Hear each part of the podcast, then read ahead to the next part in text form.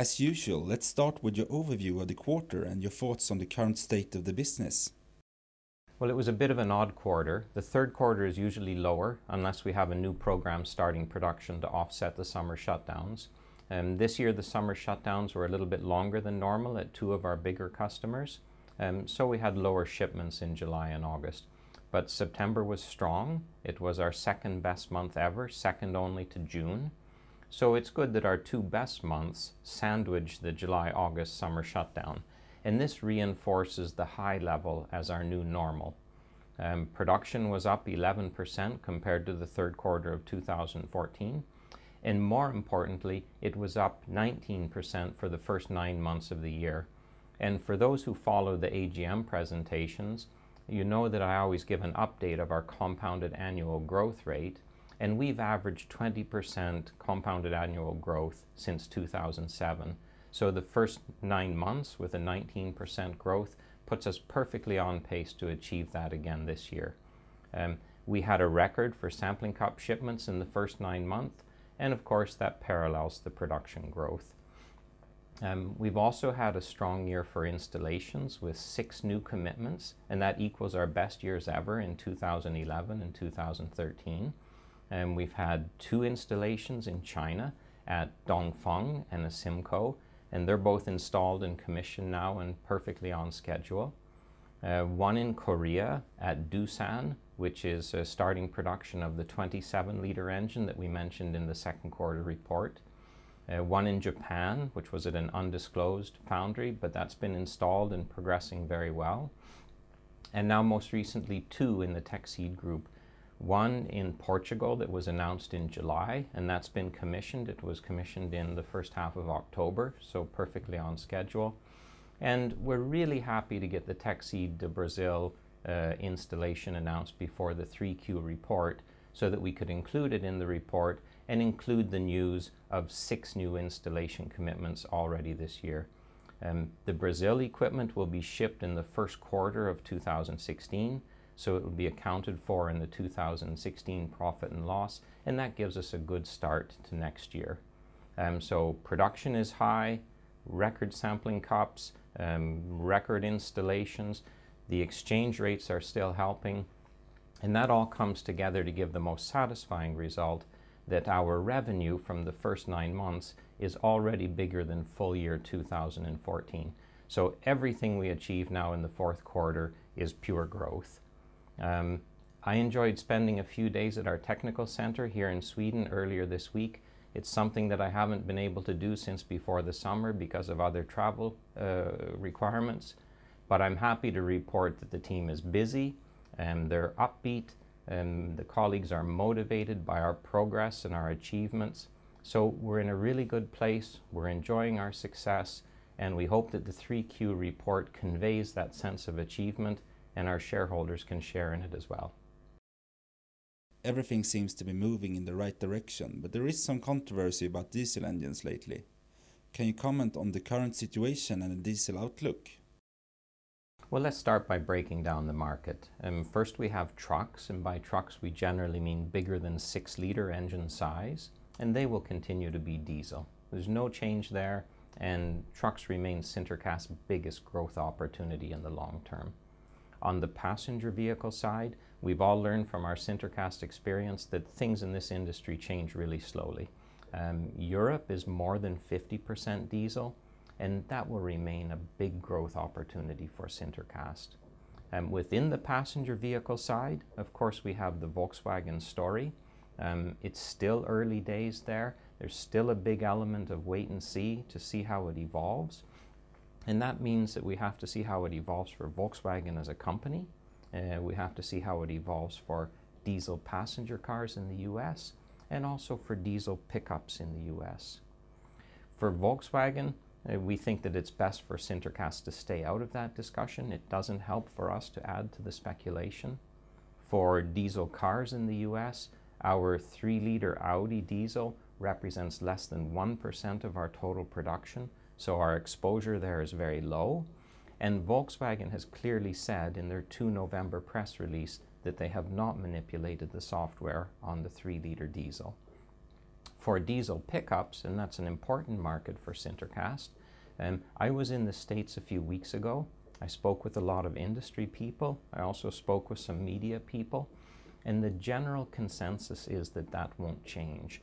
And people who buy pickups, they buy diesel because they want a diesel. And that probably won't change.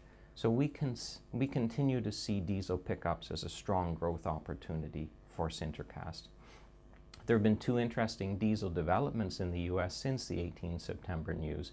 Um, first, at the Texas Truck Rodeo, so this is at the Texas State Fair, and it's the biggest auto show for pickups in North America. Um, the Cummins 5 liter V8 diesel was chosen as the best engines. So the judges chose a diesel, they didn't choose a petrol, and that's a very nice signal. And of course, it's nice that it's also a Sintercast CGI engine. And Cadillac, which is perhaps the most iconic American luxury br- brand, has publicly stated that they will definitely bring a diesel to the US, probably after 2019. Um, so that shows a real confidence in the long term diesel future for passenger vehicles in the US. Diesels are an important part of the mix.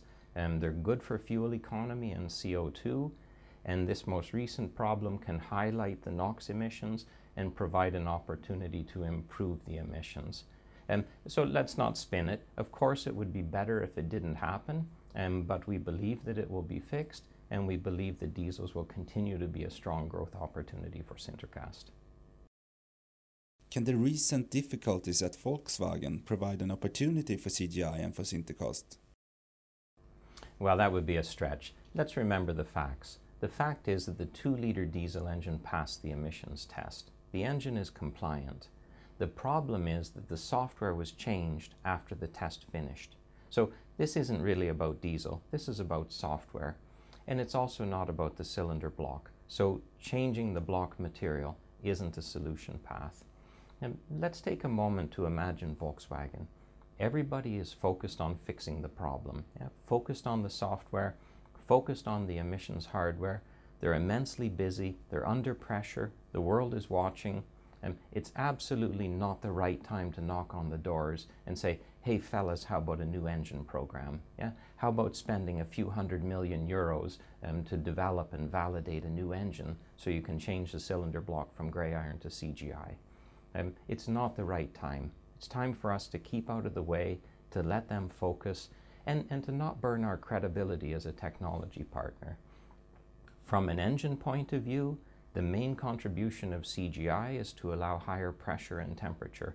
So as we increase the peak firing pressure, which we call Pmax, so as Pmax goes up, CO2 emissions and particulates go down, but NOx actually increases. Yeah, and this is the classical engineering trade-off. The NOx would actually increase.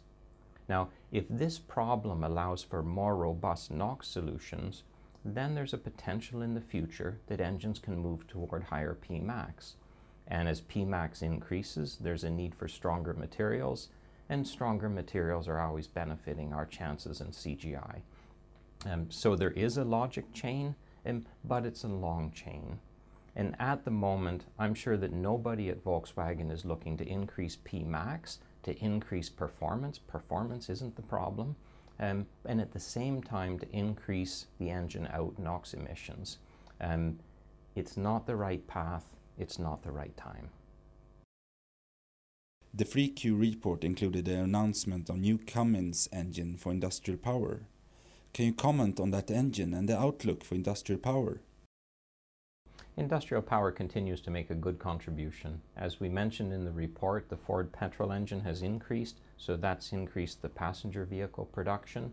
So our split is now 60% passenger vehicle, about 30% commercial vehicle, and 10% what we call other.